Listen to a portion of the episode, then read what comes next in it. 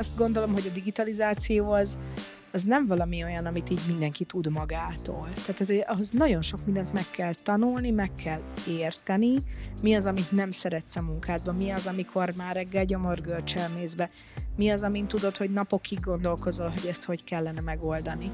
Na, ezeket a pontokat vegyük gorcsó alá, és nézzük meg, hogy mit lehet vele kezdeni. Nem igaz, hogy nem lehet ezeket egyszerűbben, fájdalommentesebben, simábban megoldani. Abból csináltam sportot, hogy elolvastam interneten fellelhető generációs témájú cikkeket, de úgy, hogy letakartam, hogy ki az író, és megpróbáltam megtippelni, hogy milyen generációba tartozik az író. Százszerzalékos volt a találati arányom, tehát tökéletesen lehet érezni. Mindenki a saját generációjával egy picikét megengedőbb, egy kicsikét pozitívabb, és a többivel pedig hát kritikusabb. Naprakész tudás, ötletek, tippek, tanácsok, gyakorlati példák szakértőktől, hogy semmi ne álljon vállalkozásod növekedésének útjába. Simple Trends Podcast. Útmutató a sikeres tranzakcióhoz. Az epizód házigazdája Pintér Robesz, a Corvinus oktatója, digitalizáció kutató, a Digiméter alapítója. Pár évvel ezelőtt találkoztam először Kökényesi Nagy Andreával, amikor igazán első nagy reneszánszát élte az elveszik a gépek a munkánkat vita. Mivel Andrea HR területen aktív, erről a témáról szervezett egy kerekasztal beszélgetést, amin én is részt vettem. Aztán idén novemberben a Jam Podcast vendége voltam, aminek Andrea a műsorvezetője. Itt olyan dolgokról beszélgettünk, mint a mesterséges intelligencia, illetve a digitalizáció. Ezt követte egy hosszúra nyúlt ebéd, ahol Andreával nagyon érdekes dolgokról beszélgettünk, például a hazai gyártócégeknek a modernizációjáról, vagy egyéb digitalizációs kérdésekről. Andrea olyan jókat mondott ezen az ebéden, hogy úgy döntöttem, elhívom a Simple Trends műsorba, hogy nektek is elmondhassam, mi minden tapasztalt az elmúlt 15-20 évben. Kedves Andrea, köszöntelek a műsorban, köszönöm, hogy elfogadtad a meghívást. Nagyon szépen köszönöm, hogy itt lehetek. Kezdjük egy rövid bemutatkozással, csak hogy értsék majd a nézők és a hallgatók, hogy, hogy milyen pozícióból beszélsz.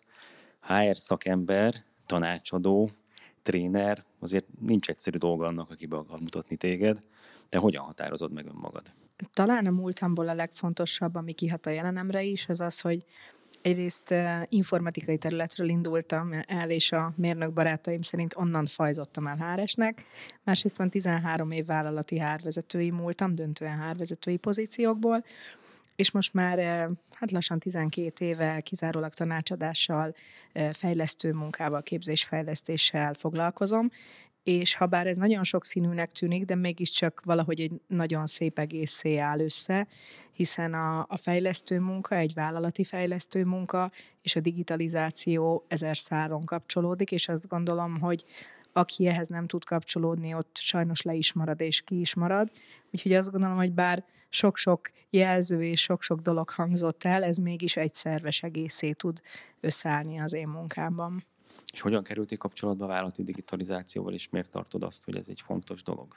Én azt gondolom, hogy a, a fejlesztő munkában legyen az egy vezetőfejlesztés, egy szervezetfejlesztés, egy egyéni vagy egy csoport fejlesztése, egy konfliktus feloldása, bármi olyan tipikus helyzet, ugye, amire egy fejlesztő szakembert szoktak hívni segítségül nagyon összekapcsolódik a folyamatokkal. Tehát anélkül, hogy értenénk, hogy mi a folyamat, amelynek mentén az az adott csoport, személy vagy vezető dolgozik, anélkül nem lehet hatékonyan és eredményesen odaérni, hogy, hogy jól hassunk oda és megoldjuk a problémát és a folyamat pedig azonnal kapcsolódik a digitalizációhoz. Nekem olyan szerencsés helyzetem van, hogy nagyon sok olyan pont volt a fejlesztői munkámban, ahol a, a HRS múltam és a fejlesztői szakmám találkozott, és ilyen formában olyan szoftverfejlesztés is mondjuk részét képezte egy-egy szervezetfejlesztési munkának, ahol tudtam kamatoztatni ezeket a fajta tudásaimat is.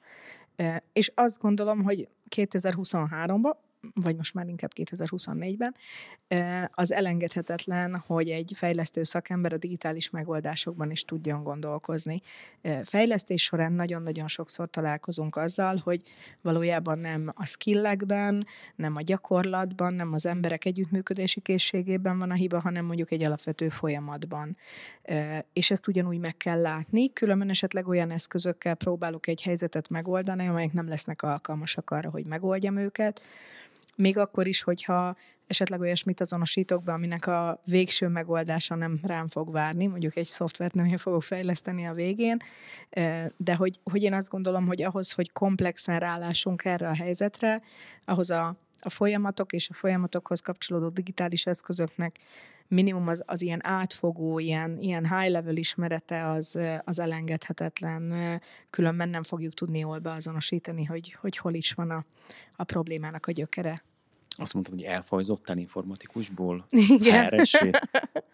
Így mondták a mérnök kollégáim, igen, hogy, hogy De ezzel ez azonosulsz, úgy érzem. Mi történt? Be kellett azt lássam, hogy mérhetetlen sok erőfeszítéssel és nagyon-nagyon-nagyon sok küzdelemmel tudok egy középszerű jaj, nem mondanám, hogy mérnök lenni, de hogy valamiféle műszaki területen dolgozó szakember lenni, és ugyanakkor a találkozásom a HR-rel, a fejlesztő munkával, ott pedig az látszott, hogy ez egy valószínűleg az alapkészségeimhez sokkal közelebb álló dolog, és hogy ott pedig ugyanezzel az energiabefektetéssel talán azért nem egy átlagot alulról ütő színvonalat tudok hozni, azt gondolom, hogy ott, ott, ott azért tudok reményeim szerint egy magas színvonalon dolgozni, úgyhogy bármennyire is szívem csücske a műszaki területén, nagyon-nagyon régen egy eh, telekommunikációs cég műszaki igazgatóságán kezdtem, és eh, azzal foglalkoztam, hogy a hívás végzőttetések külföldre tökéletesen épüljenek fel, és rútereket nézegettem, szóval, hogy be kellett azt lássam, hogy van egy olyan terület, ami, ami sokkal jobban, sokkal gördülékenyebben megy, ettől még szívem csücske maradt a műszaki terület, de hát valószínűleg mindenkinek így van ez, hogy vannak olyan témák, amiben nagyon gördülékenyen és nagyon gyorsan tud fejlődni, és, és jó minőségű munkát letenni az asztalra, és van olyan, ahol a lelkesedés és a, a, az azonosulás megvan, de esetleg nem olyan, olyan mélyek a készségek vagy a lehetőségek rá, úgyhogy nálam is ez volt a, ez volt a pályaváltásnak a pontja. De azért túl messzire nem mentél, tehát ha jól érzem, akkor te egy hídember vagy, tehát aki egyszer érti a szervezetnek a világát és a technológiai kihívásokat. Tehát tulajdonképpen pont arra megy a világ, hogy téged igazoljon, vagy neked legyen jó. Nagyon szépen köszönöm, igyekszem. Igen, volt egy nagyon emlékezetes projektem egy nagyvállalatnál, eh, ahol egy SAP modulnak a bevezetése során tulajdonképpen ezt a hídember szerepet kellett eh, ellátnom, és az, az egy végső megfertőződés volt. Tehát amikor ugye az egyik oldalon a, én magam is háres voltam ugyan, de az egyik oldalon a, a fejlesztő van, a másik oldalon pedig a, a vezető, és kettő között kell azt a azt a fordítást elvégezni, hogy ne az legyen a, a folyamat vége, hogy borzasztó gyenge minőségű Wordben összerakott folyamatokat az összes hibájával együtt bepréselünk egy szoftverbe, hanem hogy végezzük el azt a munkát, hogy nézzünk rá arra a folyamatra, azonosítsuk hogy hol vannak azok a pontok, amik már ideje múlt, nem jó, egy szoftverben már nem így kellene gondolkoznunk, és próbáljuk meg egy ilyen jövőtálló folyamatta átalakítva úgy betenni a szoftverbe, hogy az, az ne egyszerűen tényleg egy Word vagy egy Excel belső folyamatnak a, a beleerőltetése legyen, és az hát nem volt egy könnyű munka, egy fél éves folyamat volt, és nem sokat aludtunk, annál többet izgultunk, hogy mi hogy sikerül, de nagyon sok évig maradt az a, egyébként ez egy SAP modul volt, ennek a modulnak a, a, a használata az, az nagyon sok évig tartott ebben a nagyvállalatban, nagyon izgalmas feladat volt, és igen, ez a hídember szerep ez azóta is megmaradt, sok projektben, úgymond projektkócsként, vagy olyan ö, megoldás felelősként veszek részt, ahol, ahol ezt a fajta mindsetet nem csak behozni kell, hanem valahogy a projekt során át is kell adni a többieknek, hiszen nem az a megoldás, hogy én majd örökre minden egyes szoftvernél itt leszek, és ezt kívülről megcsinálom, hanem sokkal inkább az, hogy közben tudjam ezt a mindsetet átadni, tudjam ebbe fejleszteni a többieket, és egy idő után már legyen szükségtelen a, a jelenlétem, hiszen már a többiek is el tudják ezt a feladatot látni. Azt hiszem, hogy valami ilyesmi a fejlesztő szakma szépsége. Hm. Tehát facilitálod őket, kicsit oldod a feszültséget. Ugye az informatikus azt hiszi, hogy informatikus vagy, és velük vagy. Cukrászok, én nekünk így mondták a BM, amikor ott dolgoztam egyetemen, hogy cukrászok vagyunk, hogy én is információs társamat tanítottam, és hogy ez nem, nem hardcore tudomány.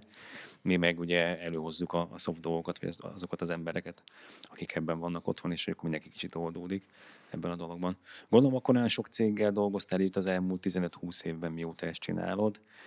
Mindenkinek fel szoktam tenni a kérdést, hogy szerinted mi az a három-három dolog, ami gátolja és serkenti egy, egy cégnél igazándiból a digitalizációt? Ez lehet ugyanaz a három dolog is, akár két oldalról nézve, de lehet akár három különböző, és te mit mondanál? Mm, azt gondolom, hogy a legjobban a fájdalom és a killódás serkenti.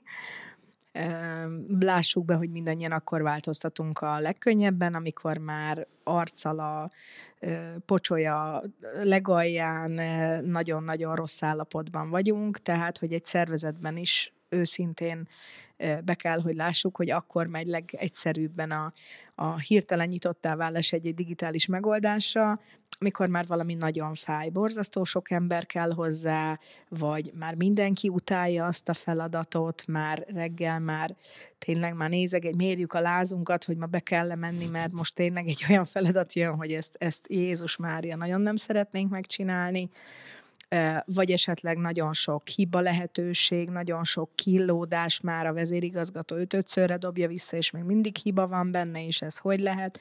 Tehát amikor nagyon fáj, az szerintem egy borzasztó nagy serkentő dolog.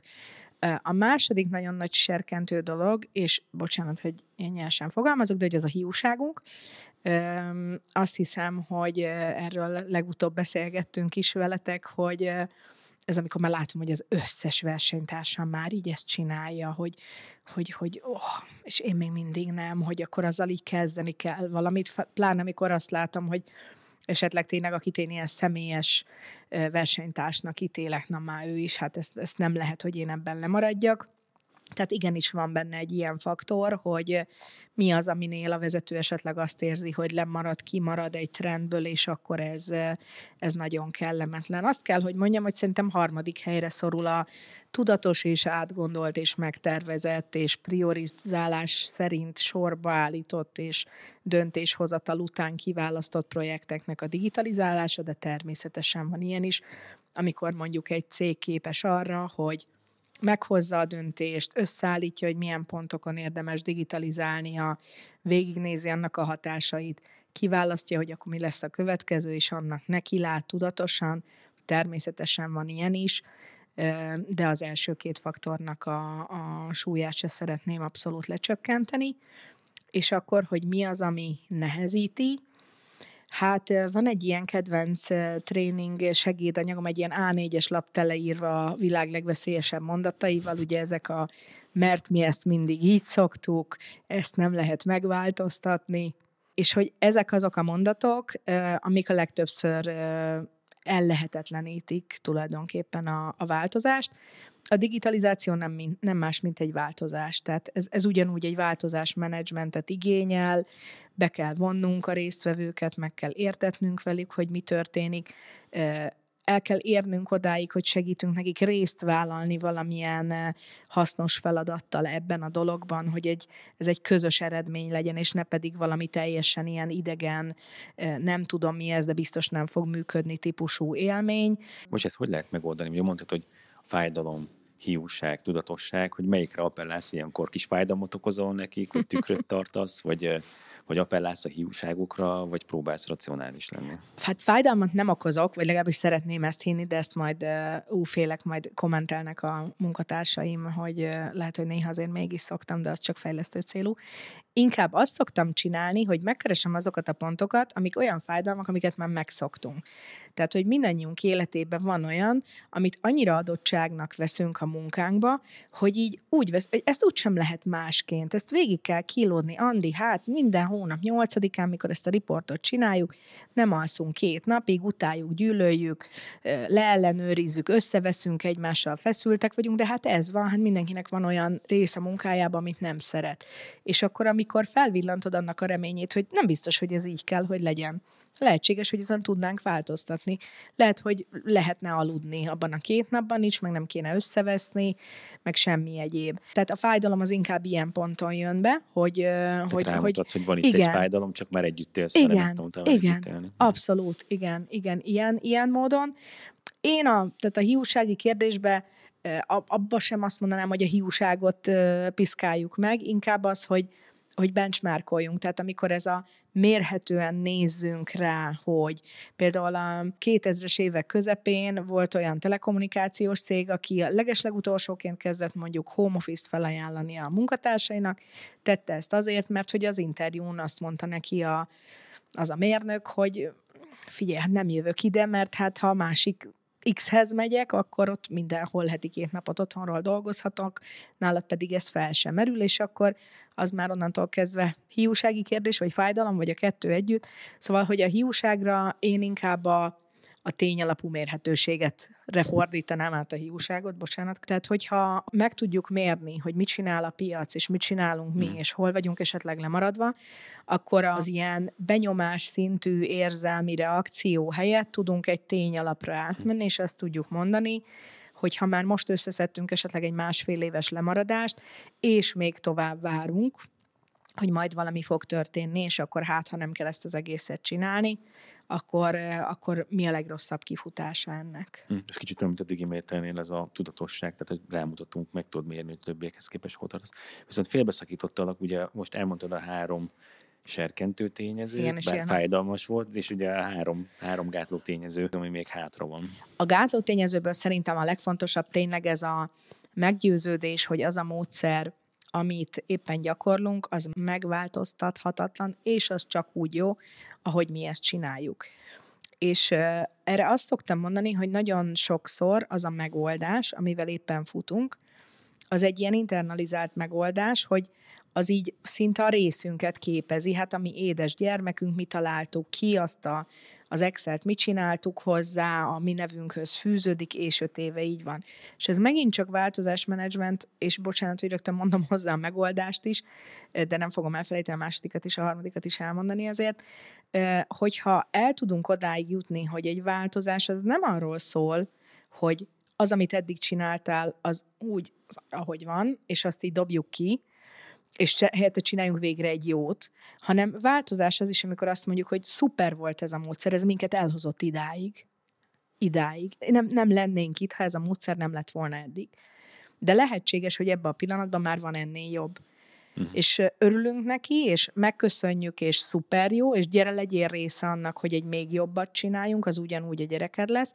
Ezzel nem mondjuk azt, hogy nem lesz fájdalmas valamit elengedni, de hogy, hogy azt a közeget megteremtjük, ahol, ahol nem az, az az üzenete a cserének, vagy az újításnak, vagy az innovációnak, hogy na most, hogy csináljuk meg jól. Ki, na, volt, az a hülye, volt. ki volt az a hülye, aki ezt csinálta? Pontosan, hmm. hanem ahol azt tudjuk mondani, hogy ez, ez minket elhozott idáig, akár mennyire is nem digitális, vagy mondjuk ilyen durván kőbaltás módszer volt, de azért vagyunk itt, mert ez a módszer minket elhozott idáig, Szóval az egy, az egy, az egy nagyon-nagyon fontos dolog. Tehát a meggyőződés szerintem az, az első és legnagyobb akadályozója, hogy nálunk ezt nem lehet máshogy, ez csak így lehet, és e, ez ellen pedig nem egy érzelmi alapú győzködéssel dolgozunk, hanem tényalappal, vagy azzal, hogy gyere nézzük meg együtt, gyere meg lesz a lehetőséget, hogy a munka folyamán akár megvétózd azt a dolgot, amerre megyünk, de gyere akkor csak annyit tegyél meg, hogy gyere, legyél itt, és nézzük végig, hogy milyen lehetőségek vannak.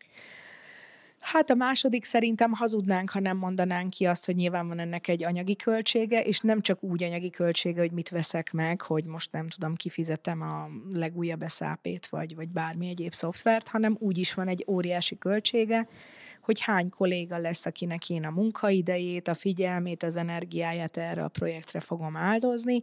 Most mondok csak egy példát, akár cégen belül valamit elkezdek fejleszteni, legyen ez egy három részleget ér, érintő szoftver, és akkor a három részlegről azt mondom, hogy két-két ember jöjjön és fejleszem, vagy teszteljen velünk a, a folyamat során akkor az azt jelenti, hogy mondjuk ők ott ülnek hatan, ott ül mondjuk kettő ember az informatikáról, ott ül egy projektvezető, meg mondjuk legyen még egy területvezető, ott ülünk heten, nyolcan, kilencen, ha csak egy órát eltöltünk vele egy héten, akkor az egy egész munkanap, ami, ami kiesett, és még az is lehet, hogy elsőre, másodikra ügyetlenek leszünk, és nem lesz annyira jó a végeredmény, vagy nem lesz annyira használható, vagy dupla annyi ideig tart, míg, mint majd később, amikor tapasztaltak vagyunk benne.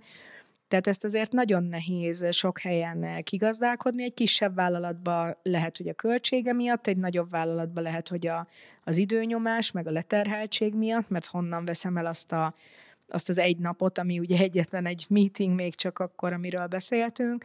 Szóval, hogy szerintem a második pont az ez a, mondjuk akkor inkább így, hogy erőforrás, hm. mert, mert tényleg nem csak a, nem csak a pénzbeli költség, hanem, hanem bármi, ami ezzel jár. Szerintem ez is, ez is nagyon nehéz.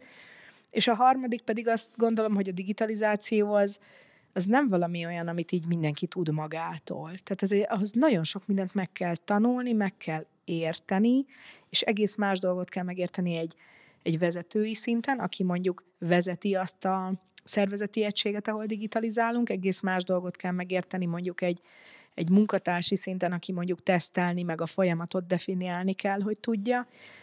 És nagyon sokszor az a tapasztalat, hogy végigfut az első fejlesztés úgy egy szervezetben, hogy rengeteg sok rossz élmény lesz belőle, uh-huh. És akkor derül ki, hogy ja, hogy ezt se tudtuk, ja, ezt, ja, ezt is meg kéne tanulni, nem pedig onnan indulunk, hogy nézzük már meg és alapozzunk. Meg kicsit olyan ez, mint hogyha nem tudom, mi ketten úgy döntenénk, hogy holnap összeszerelünk egy autót, és akkor... Nálad vagy nálam. Ugye? Szerintem legyen a te garázsod, én meg hozok egy-két alkatrészt, és megnézzük, mikor lesz belőle autó, de nem tanulunk meg előre semmit, tehát nem fogunk YouTube videó, videókat nézni. Nem, mi nekiesünk, csináljuk, és akkor mikor a végén lesz egy ilyen háromkerekű, kétkormányos, furcsa, púpos rettenetünk, akkor majd utána De ugye miénk. miénk, igen, egyrészt nagyon azonosulni fogunk vele, tehát lesz egy ilyen ellágyultság a szívünk, vagy mégiscsak ezt mit csináltuk. Másrészt jó esetben utána kezdjük el megtanulni, na, akkor mit nem tudtunk az első folyamatban. És azért, hogyha teszem azt mondjuk eznek, lett volna valami tétje, mondjuk váravevő, ami fantasztikus első prototípusunkra, akkor ugye azért nem lennénk olyan vidámak a végén, amikor kiderül, hogy a vevő ezt nem szeretné. Szóval, hogy nagyon sokszor az a, tényleg az a tudás, ami szükséges egy szervezetbe, szervezeti szinten, résztvevő, fejlesztő munkatárs szinten és vezető szinten, az nincs meg. Úgyhogy nekem ez a hármasom, ami, ami a leginkább akadályoz. Van egy másik kérdés, amit fel szoktam mindenkinek tenni, ez hogy mondjam el neked is, és nyilván mindenki másképp válaszol egy picit, hogyha egy cég most kezdene neki a digitalizációnak, vagy most erősítene rajta, akkor mit tanácsolnál nekik, hogy mire fókuszáljanak? Hát leginkább a saját szükségleteikre, hogy mit, mit szeretnének, hova szeretnének elérni, és akkor ebbe igazából csak a nagyokat tudom idézni, mert ugye volt lehetőségem nem olyan régen veled és a Bárpival beszélgetni, tehát hogy hogy csak, csak ugyanazt tudom mondani, amit ti is elmondhatok, hogy nem a, nem a digitalizáció kedvéért digitalizálunk, azért digitalizálunk, mire van szükségünk, hol, hol kellene változtatni, hol megy el nagyon sok idő. Én a vezetőket is így fejlesztem, amikor elkezdünk együtt dolgozni egy csoporttal, azt szoktam mondani, légy borzasztó önző. Mi az, amit nem szeretsz a munkádban? Mi az, amikor már reggel gyomorgörcsel mész be? Mi az, amin tudod, hogy napokig gondolkozol, hogy ezt hogy kellene megoldani? Na, ezeket a pontokat vegyük gorcsó alá, és nézzük meg, hogy mit lehet vele kezdeni. Nem igaz, hogy nem lehet ezeket egyszerűbben, fájdalommentesebben, simábban megoldani. Én azt gondolom, a digitalizáció egy ugyanilyen eszköz. Nézd meg, hogy mi az, ahol borzasztó sok élő munkát veszítesz, te magad is szégyeled magad, hogy azt még emberrel csináltatod azt a folyamatot. Tudsz ezekre esetleg példát a név nélkül vagy cég nélkül, ahol dolgoztok, ahol jönnek ezek a gyomorgörcsös utálom feladatok? Igen, igen, nagyon-nagyon sok, sok ilyen példa van szolgáltatásba is, gyártásba is. Nagyon sok olyan administratív task van még Magyarországon, ami egyszerűen megszokás miatt ott marad élő emberi munkával megoldott feladatcsoportba, és nem kezdjük el valahogy átpakolni. Tehát, hogy a világ legtermészetesebb dolga, hogy nem tudom, a beérkező alapanyagot, vagy az árut, Jóska leül és bepötyögi, egy, és akkor már örülünk, hogyha egy gépbe és nem egy A4-es tollal, kézírással, hogy mi jött be, meg hány kiló, meg hány darab, meg hova raktuk, meg milyen cikk számot osztottunk ki neki, és nem digitalizáljuk, nem leszkenneljük a vonalkódot, vagy nem, tehát hogy nem, nem olyan eszközöket választunk rá, amivel ez mérhetetlenül egyszerűen és gyorsan megoldható. Nagyon sok olyan folyamat van, egyszer egy hárosztályon találkoztam azzal, hogy egy négy és fél órás ellenőrzést futtattak, és kérdeztem, hogy mi az oka ennek az ellenőrzésnek, hogy azért ugye négy és fél óra, az azért ez egy komoly időbefektetés, ez nem volt egy olyan nagy szervezet, és nem volt egy olyan nagy, há, nagy hárosztály, három-négy fő volt talán a teljes létszám, ott azért egy fél munkanap azt megérzi a csoport. És kiderült a végén, hogy a kockázata annak, tehát ha nem végezzük el ezt a, a plusz ellenőrzési kört, az az, hogy a természetbeni juttatásból a tej az, az kimarad, és hogy a, az egyes tárgyalókba kirakott kis sarokban ugye elfogyasztják a kollégák a kávéjukat, megisszák hozzá a tejet, amit valahol le kell könyvelni, és akkor, hogyha nem ellenőrzünk le mindent, akkor az ugye kimaradhat. Hány liter te egyébként egy három-négy főnek a... Igen, igen, igen, szóval, hogy, hogy valójában ez egy, ez egy borzasztó elenyésző igen. kockázat volt. Hogy bírtad ezt úgy megmutatni nekik ezt a tükröt, hogy ne érezzék magukat teljesen, teljesen megbántva, vagy nem tudom én. Mm, nagyon sokszor nehéz ezekben a helyzetekben a sokkot elkerülni. Mesélek egy másik történetet. Az is egy gyártó cég volt és shadowingban a vezetővel mozogtam aznap a, a gyárban. Ez mit jelent ez a shadowing? Eh, hogy lekíséred az ő munkáját, és akkor időnként fél-fél órára leülve feldolgozzuk azt, amit éppen láttam. És akkor a nap végén bementünk egy kis irodába, de ez egy ilyen kis box volt a, a termelési területen kialakítva, volt ott egy számítógép, leült a vezető, és iszonyat szuszogásokkal, puffogásokkal, tehát minden gesztusával kifejezve, hogy ezt nagyon utálja ezt a feladatot. Egy Excel táblába valami adatokat elkezdett betöltögetni, próbáltam ugye kérdezni, megérteni, hogy mi történik most. És akkor befejezte ennek a táblának a kitöltését ilyen napi termelési adatokról, akkor elmentette az Excel-t, és kinyomtatta a lapot, egy darab A4-es lap lett belőle, és így odalépett mellém, és az íróasztal mellé lerakta a földre ezt a lapot, és akkor láttam, hogy egy ilyen, hát nekem olyan a vádlim háromnegyedéig érő kupac tetejére odarakta ezt az A4-es lapot, és hát ugye akkor felcsillan az emberben az érdeklődés, hogy itt most pontosan mi történt, és kérdeztem tőle, hogy mi ez? Hát mondta, hogy ki kell nyomtatni, és oda kell tenni, de hát nem vagyok nagy matematikus, de azt még úgy én is láttam, hogy ez egy olyan három évnyi kupac van ott, hogyha minden munkanapon egy A4-es teszünk oda. Kérdezem, hogy és mi szokott történni ezekkel az A4-esekkel? Azt mondja, hogy hát elviszik. Hát de mondom, mikor elég sok van már itt. Nem tudja, mióta ő itt dolgozik, még nem vitték el. De és mióta dolgozol itt? Azt mondja, három és fél éve. Gondoltam magamot, de jó, legalább jól tippeltem. Mondom, neki semmi baj, biztosan hálózatról ezt az Excel-t nézik akkor, ha már nem viszik el a papírt. Azt mondja, azt biztosan nem, ez egy single gép, nincs hálózatba kötve. Szóval, hogy aztán egy rövid kutatás után kiderült, hogy egy öt évvel ezelőtti termelésvezető egy folyamat részeként kérte ezt a riportot, amiért ő akkor eljött naponta. Hát ő már öt éve nem dolgozott a szervezetben, valahogy ez a lépés lehasadt a folyamatból, és soha senkinek nem tűnt fel. Tehát ugye ez a tipikus, hogy az új kollégának megtanítjuk, hogy mert ezt így kell, és ezekben a helyzetekben, amikor ugye felteszed ezeket a kérdéseket, és eljutsz a felismerésig, és nem tudsz nélkül a felismerésig jutni, hogy a kérdezet is oda jutna, hát ott azért van egy kicsi rossz érzés. Tehát ő is úgy elgondolkozott, és akkor van ez az érzés, biztosan ismerette is, ez a nem értem, hogy eddig hogy nem értettem ezt, és akkor ugye nyilván próbálom ilyenkor gyorsan felmenteni őket, hiszen egy csomó minden van a mi gyakorlatunkban is, amin nem gondolkozunk el, csak megszokásszerűen csináljuk, és inkább próbálom arra átfordítani, hogy milyen szuper, hogy ő ezt most segített megérteni, és akkor ezt hogy kéne kiderítenünk, hogy bárki bármire használhatja, vagy csak egyszerűen holnaptól hagyjuk abba, és ne csináljuk többet és nem is mindig kell megóvni magunkat, meg egymást attól, hogy legyen néha ilyen arculcsapós felismerésünk, és nagyon sokszor van az, ez most egy olyan szempontból nem tökéletes példa, hogy nagyon sokszor van olyan, hogy egy jó módszerhez hasad oda egy-két olyan lépés, aminről nem ismerjük fel, hogy az nem kell a jó eredményhez. Ugye erre szokták mondani, hogy amikor a az ősember kijött a barlangból, megbotlott egy ágba, esett aznap az eső, és nem tudom, nem ment el vadászni, másnap meg sütött a nap, és fölvette egy kavicsot, megnézegette, eldobta, elment vadászni, és jól sikeres volt, akkor ezentúl nem ment el vadászni, hogyha esett az eső, meg akkor se, ha megbotlott, meg akkor se, hogyha nem talált kavicsot, de nem tudta, hogy ezek közül úgy melyik kombinációja okozta azt, hogy nem jött rá, hogy na, ha süt a nap, akkor legelésznek az állatok, akkor könnyebben fogok oda jutni, hogy.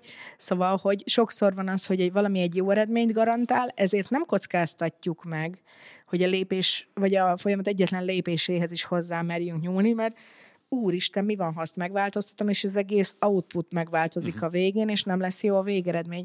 Ehhez idő kell, tehát én nagyon sokszor ezt is el szoktam magyarázni a, a résztvevőknek, és nagyon remélem, hogy jól sikerül, és ezt értik is, hogy, hogy én engem ezért hívnak oda, nekem erre adnak időt, hogy én kérdezzek, megértsem. Neki nagyon sokszor erre nincs ideje, mert jön a főnök, és azt mondja, hogy öt nyűnyökével kell ma készen lenned, és miért csak négy van kész? Hát, mert próbáltam megérteni, hogy ebbe a folyamatban a hatos lépést miért csináljuk.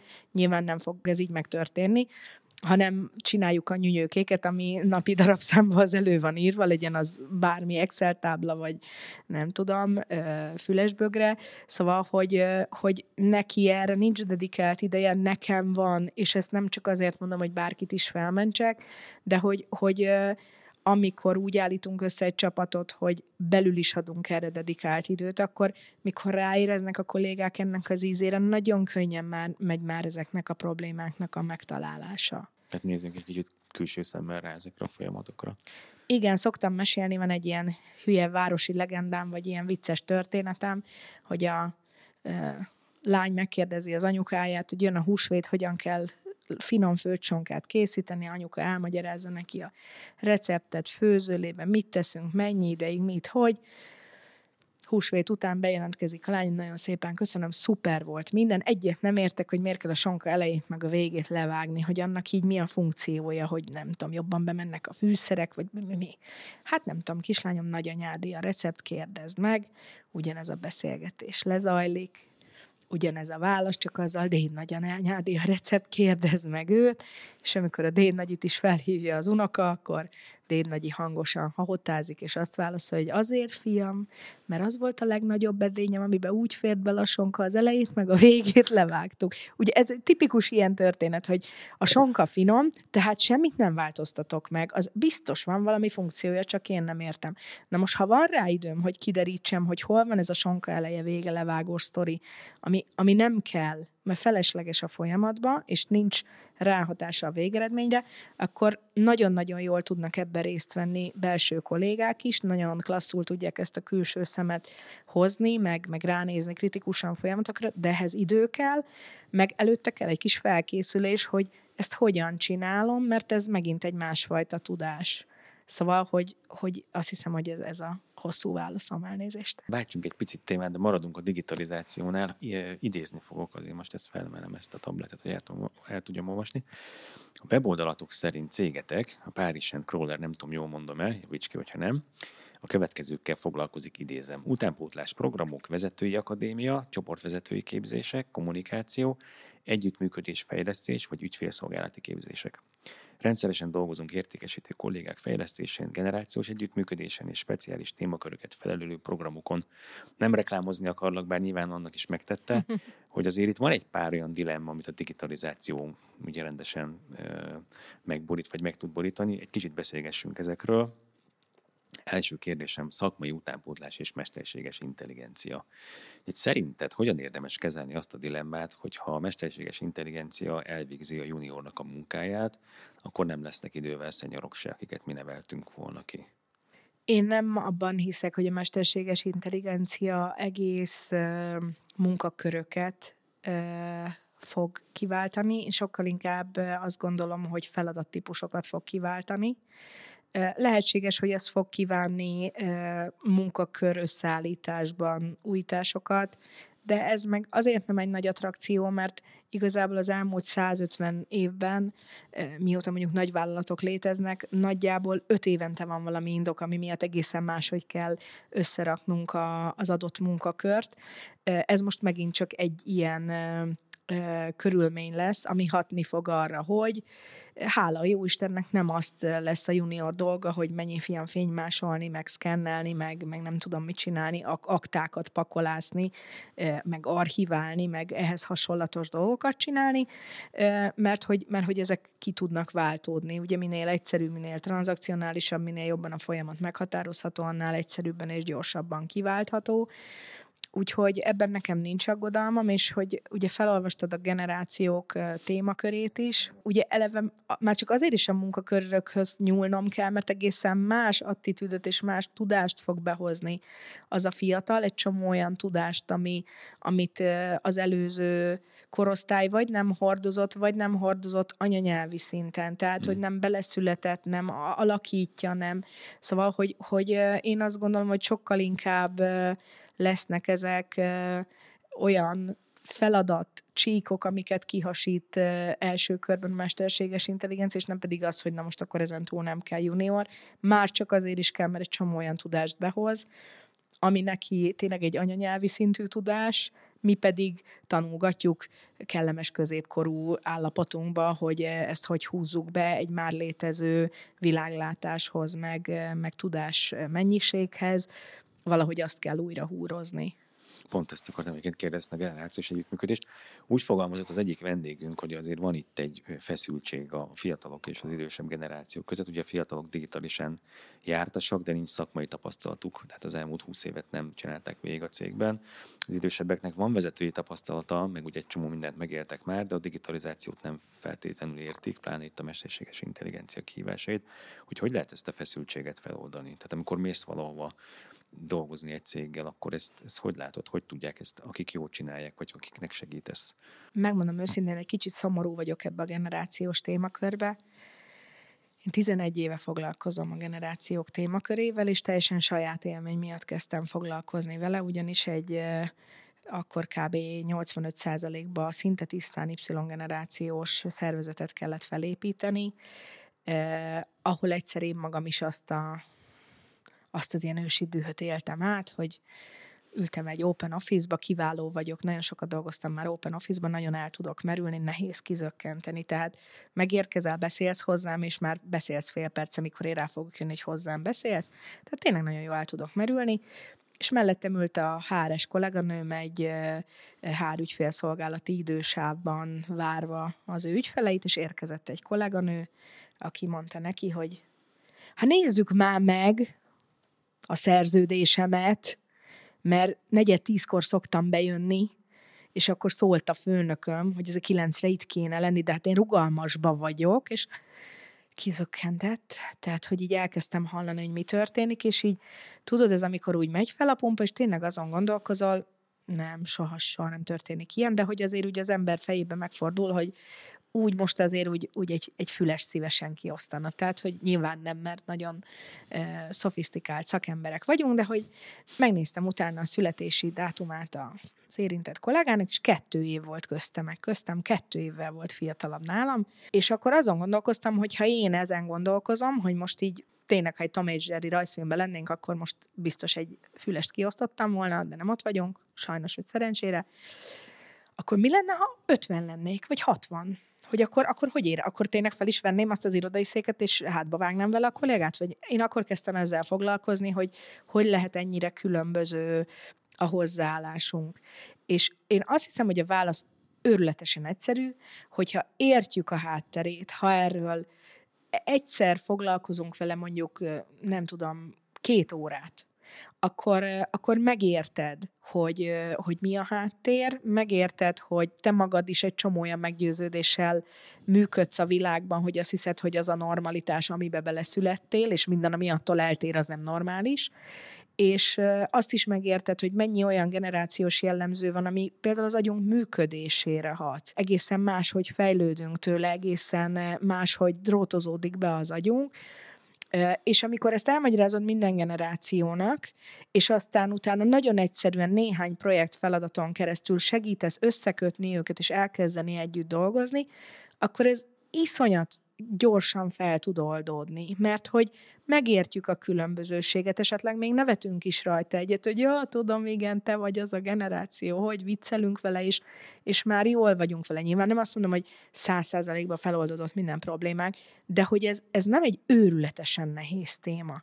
Ez, ez csak az, hogy mindenki meg van róla győződve, vagy amiben ő hisz, és amit ő tart normalitásnak, az a világon a legszuperebb, és amikor ennek egy picit a hátterét megérti, akkor, akkor sokkal-sokkal könnyebb.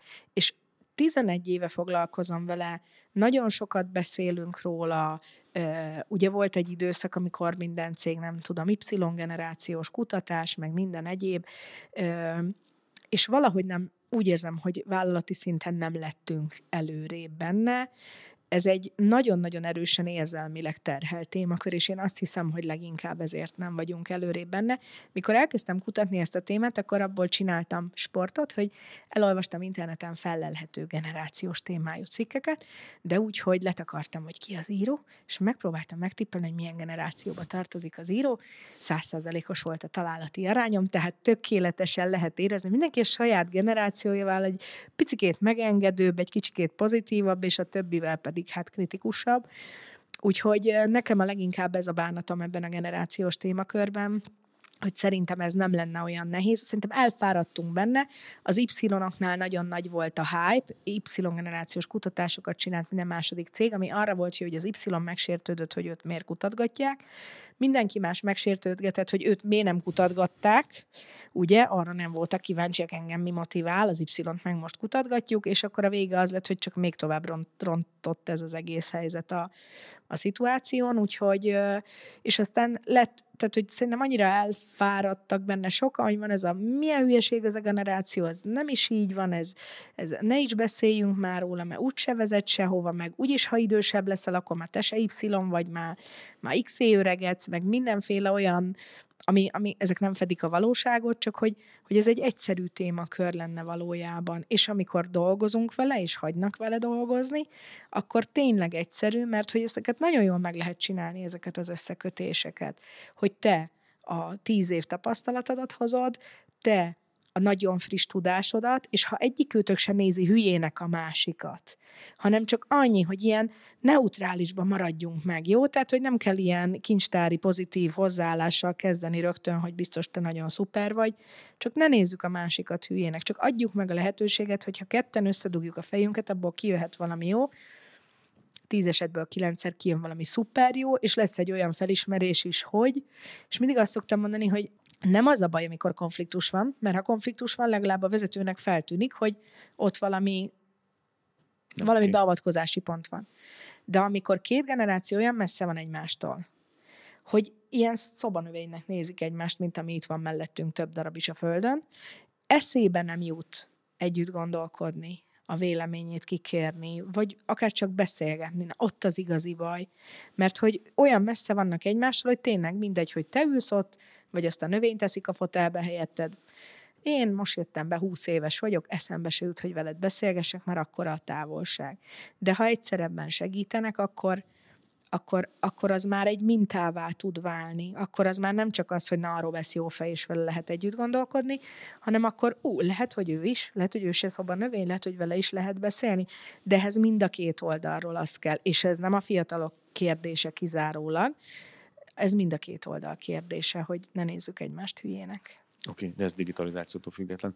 Mit gondolsz, kicsit visszatérve a digitalizáció témájára, mit látsz jó szerepfelfogásnak a digitalizáció kapcsán a vezetők esetében? Mik a tipikus hibák, amiket elkövetnek, és milyen a jó vezető a digitalizációban? Mm, a két véglet szerintem a, a, a nem jó, Ugyanakkor az a nehézség, hogy szerintem mindenki digitalizációs uta- utazásának az első két lépése az ez. Az egyik a teljesen elutasítom, ez hülyeség nálunk nem működik, és ez úgysem megy, túl bonyolult a folyamat, ezt nem, ezt Mancika tudja, jó, de ezt nem lehet leírni, nyilván le lehet írni, bármit le lehet írni folyamatban, csak kicsit maximum soká tart. És akkor ugye ez, a, ez az ellenállás, utána jön a ú, de jó, minden digitalizáljunk, mindent csináljunk. Tehát, hogy ez a két nehéz szerep, de és hogy valószínűleg az a nehézség a vezetői életünkben, hogy az elején ezen a két szakaszon mindannyian átmegyünk, hogy először teljesen ellenállunk, utána túlazonosulunk, és aztán, mint oly sok minden másba, szépen beállunk középre, és akkor megtapasztaljuk azt is, hogy a digitalizációba valószínűleg sosem leszünk akkora szakértők, mint amilyenek mondjuk a saját szakmánkban vagyunk. Uh-huh. És hogy ugye ez is egy nagyon nagy tudás, hogy ez egy olyan témakör, ahol nem akarhatok mindent én megmondani, mert ugye mondjuk tegyük fel, hogy vezetek egy értékesítési osztályt, lehet, hogy 30 év tapasztalatom van értékesítésbe, és tényleg az ország egyik legjobbja vagyok, ahhoz, hogy mondjuk az értékesítés digitalizációjában is a legjobb legyek, akkor most mi fog történni? Nem foglalkozok semmivel, és következő 30 évben csak ezzel foglalkozom, és utána örülök, hogy akkor már ebben is olyan szuper vagyok. Tehát, hogy nem az a feladatom, hogy a legapróbb részletig én mindent tudjak, mindent kontrolláljak, és teljesen bele tudjak menni a folyamatba, hanem sokkal inkább az, hogy egy stratégiai szinten át tudjam fogni, és legyenek meg azok a szakértőim csapaton belül és csapaton kívül is, mert ugye a digitalizációban nagyon sokszor olyan skill csomag is szükséges átmeneti ideig, amit nem akarok fixen a csapatomba megtartani, tehát nyilván meg fogom venni kívülről, hogy jöjjön az X, és akkor egy évig segítsen nekem abba, hogy, vagy két hónapig, vagy bármi hogy én azt a csapatot úgy alakítsam ki, hogy tudjam, hogy ki melyik részletbe tud a legalsó szintig lemenni, de ne azt érezzem, hogy nekem mikromenedzselni, vagy nanomenedzselni kell abba, hogy én minden részletet megpróbálok közben.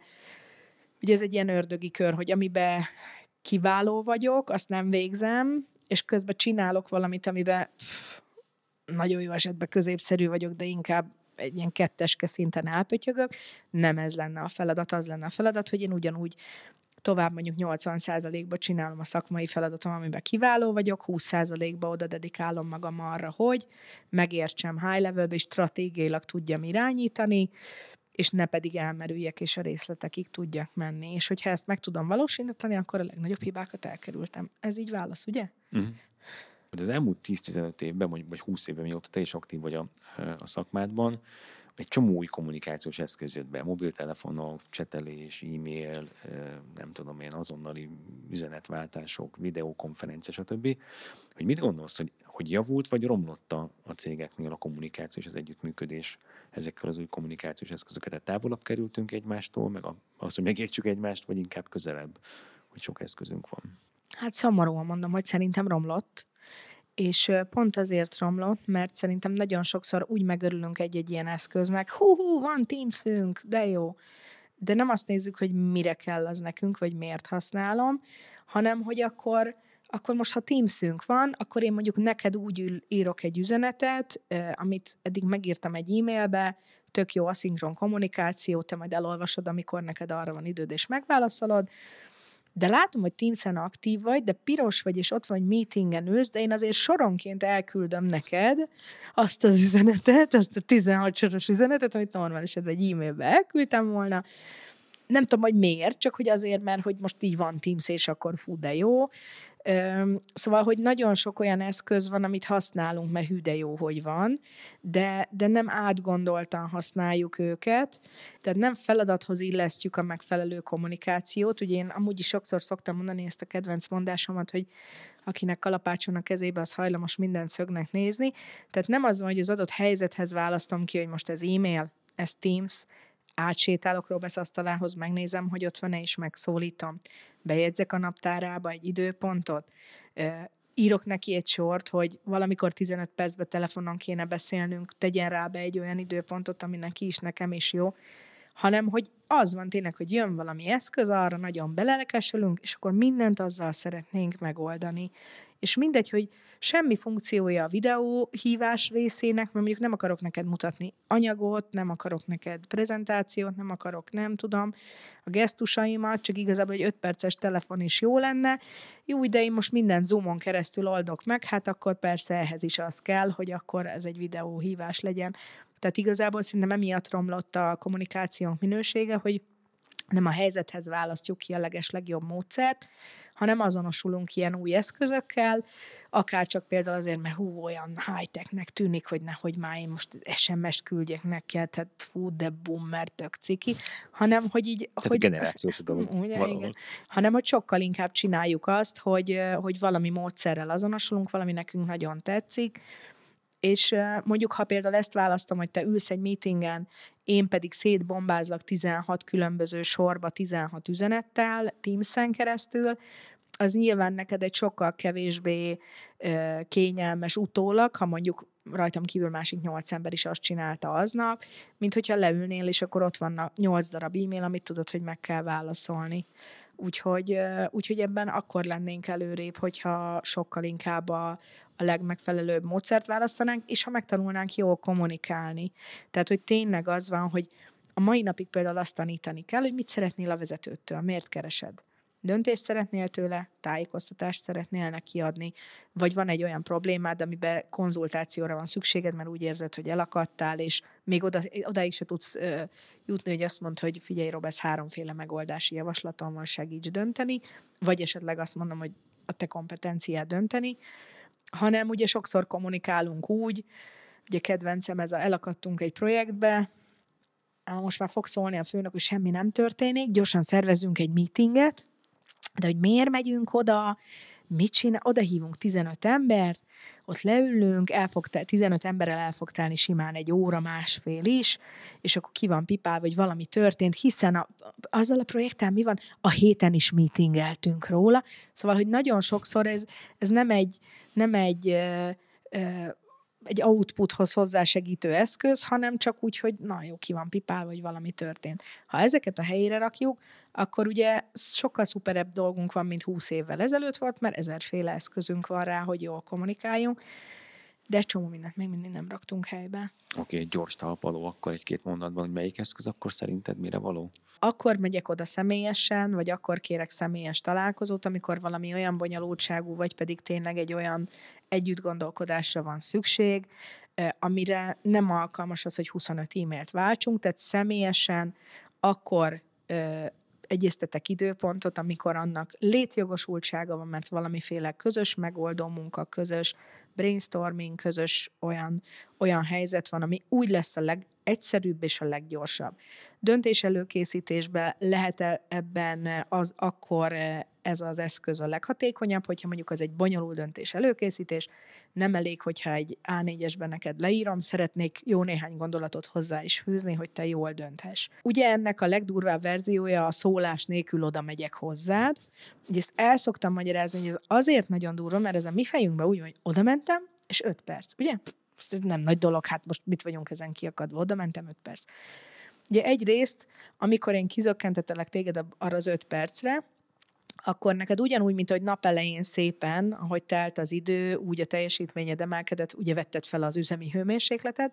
Amikor én kizökkentettelek teljesen váratlanul, akkor neked ugye újra fel kell érni arra, arra a teljesítményszintre. De ha az agyunk azt tapasztalja, hogy gyakran van ilyen megszakítás, akkor már ugye ilyen készenléti üzemmódban van, hogy mindjárt megint bejön valaki és kérdez valamit, tehát már nem fogsz tudni felmenni a maximumodig, mert az agyad készül, hogy már nézem, hogy ki az, aki Melyik közelíti, az igen, rám, ki fog rámugrani.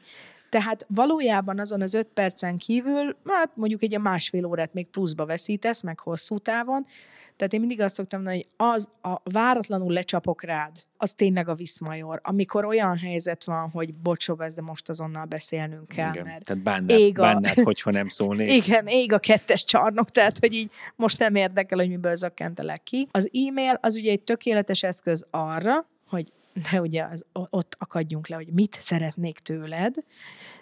Különösen szadista vezetők kérhetik a kollégáiktól, hogy ezt már a subjectben jelöljék meg, hogy tájékoztatást küldök, döntést szeretnék, vagy pedig konzultációt kérek.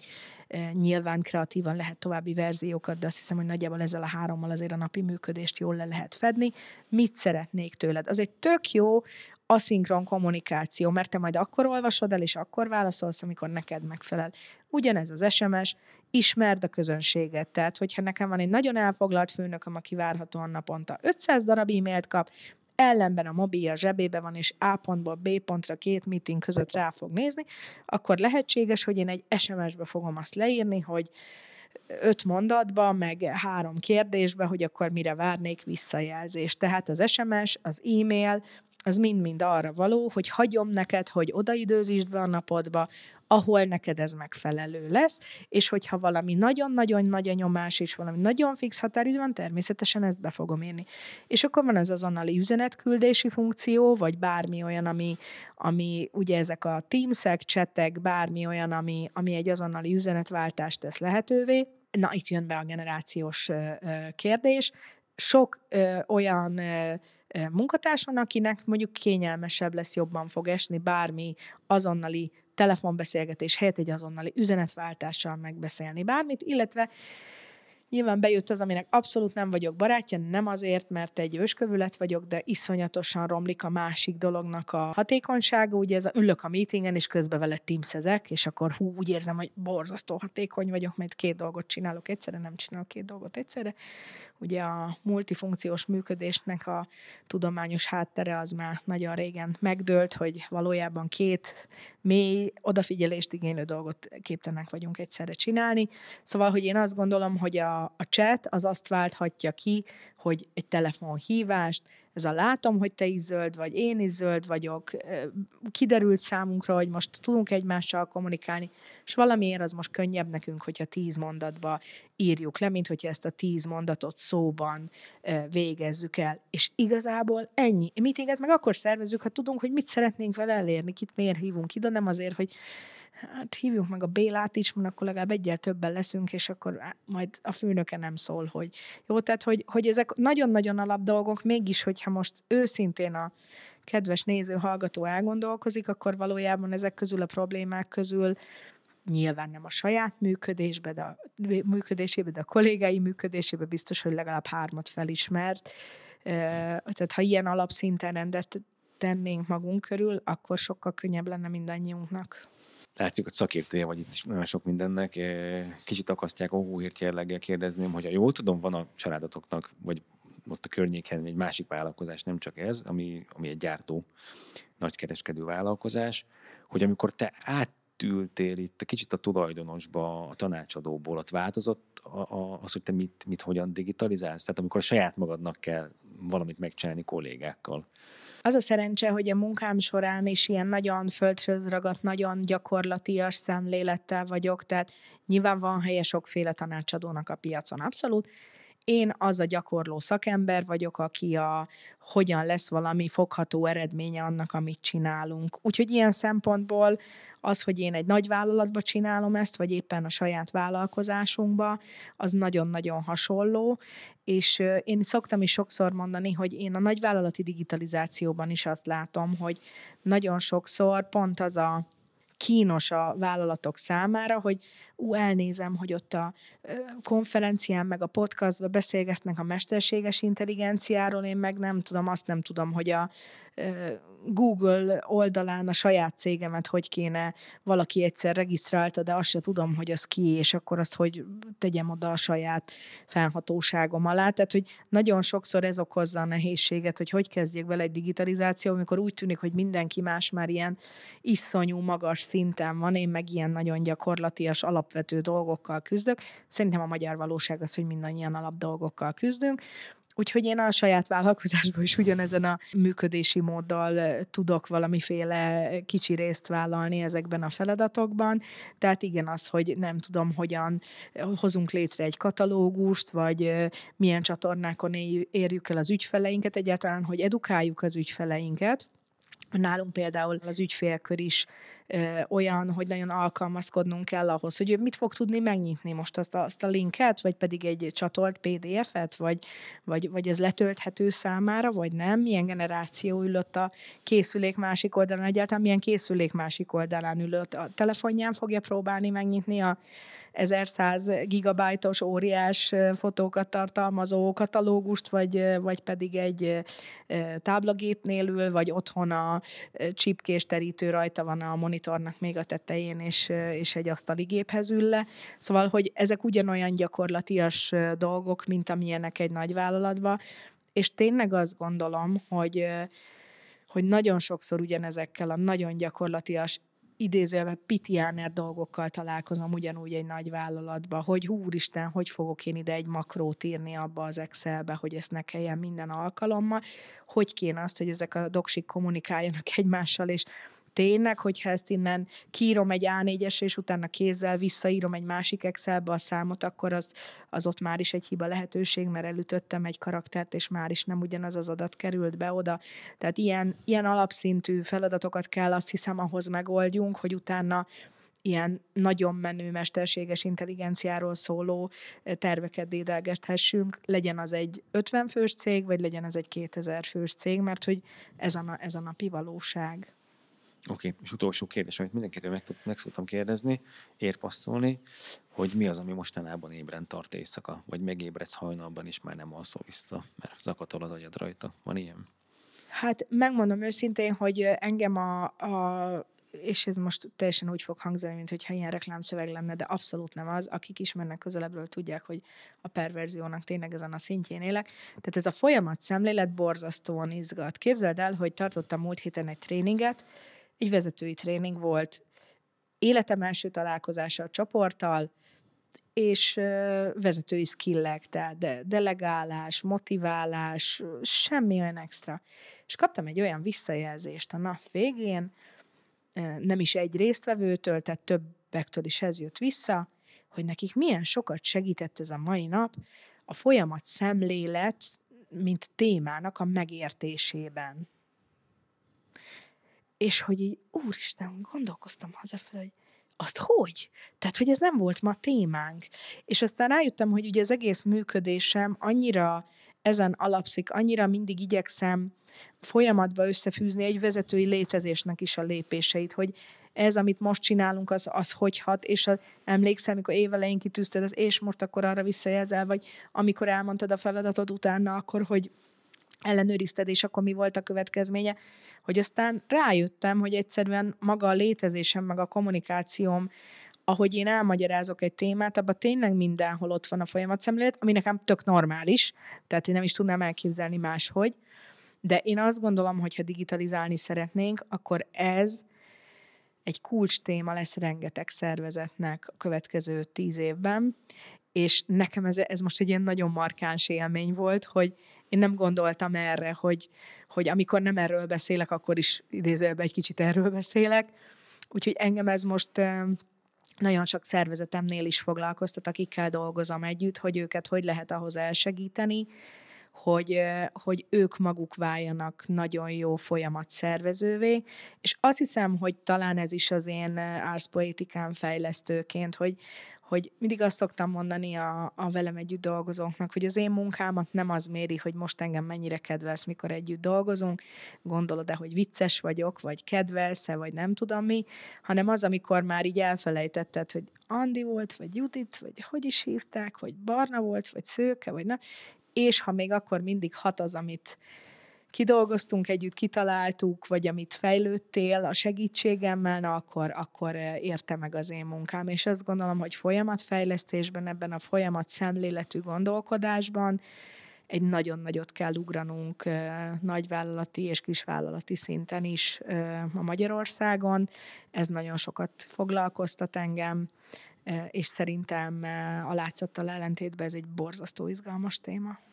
Hát, ha ébren tart téged éjszak, akkor egészen biztos. Hát köszönöm szépen, hogy itt voltál velünk. Én is nagyon szépen köszönöm, élvezetes volt veled beszélgetni, és köszönöm a jó felkészülést és a nagyon-nagyon klassz kérdéseket, nagyon jó volt. Köszönöm. Hát köszönöm szépen mindenkinek, hogy velünk voltatok, eddig tartott a Simple Trends, iratkozzatok fel a csatornákra, és találkozunk a következő műsorokban. Sziasztok! Ez volt a Simple Trends Podcast. Tarts velünk a következő adások során is. Iratkozz fel a kedvenc lejátszódon a Simple Trends csatornájára. További hasznos szakmai tartalmakért pedig látogass el a simpletrends.hu weboldalra. A linkeket keresd az epizód leírásában.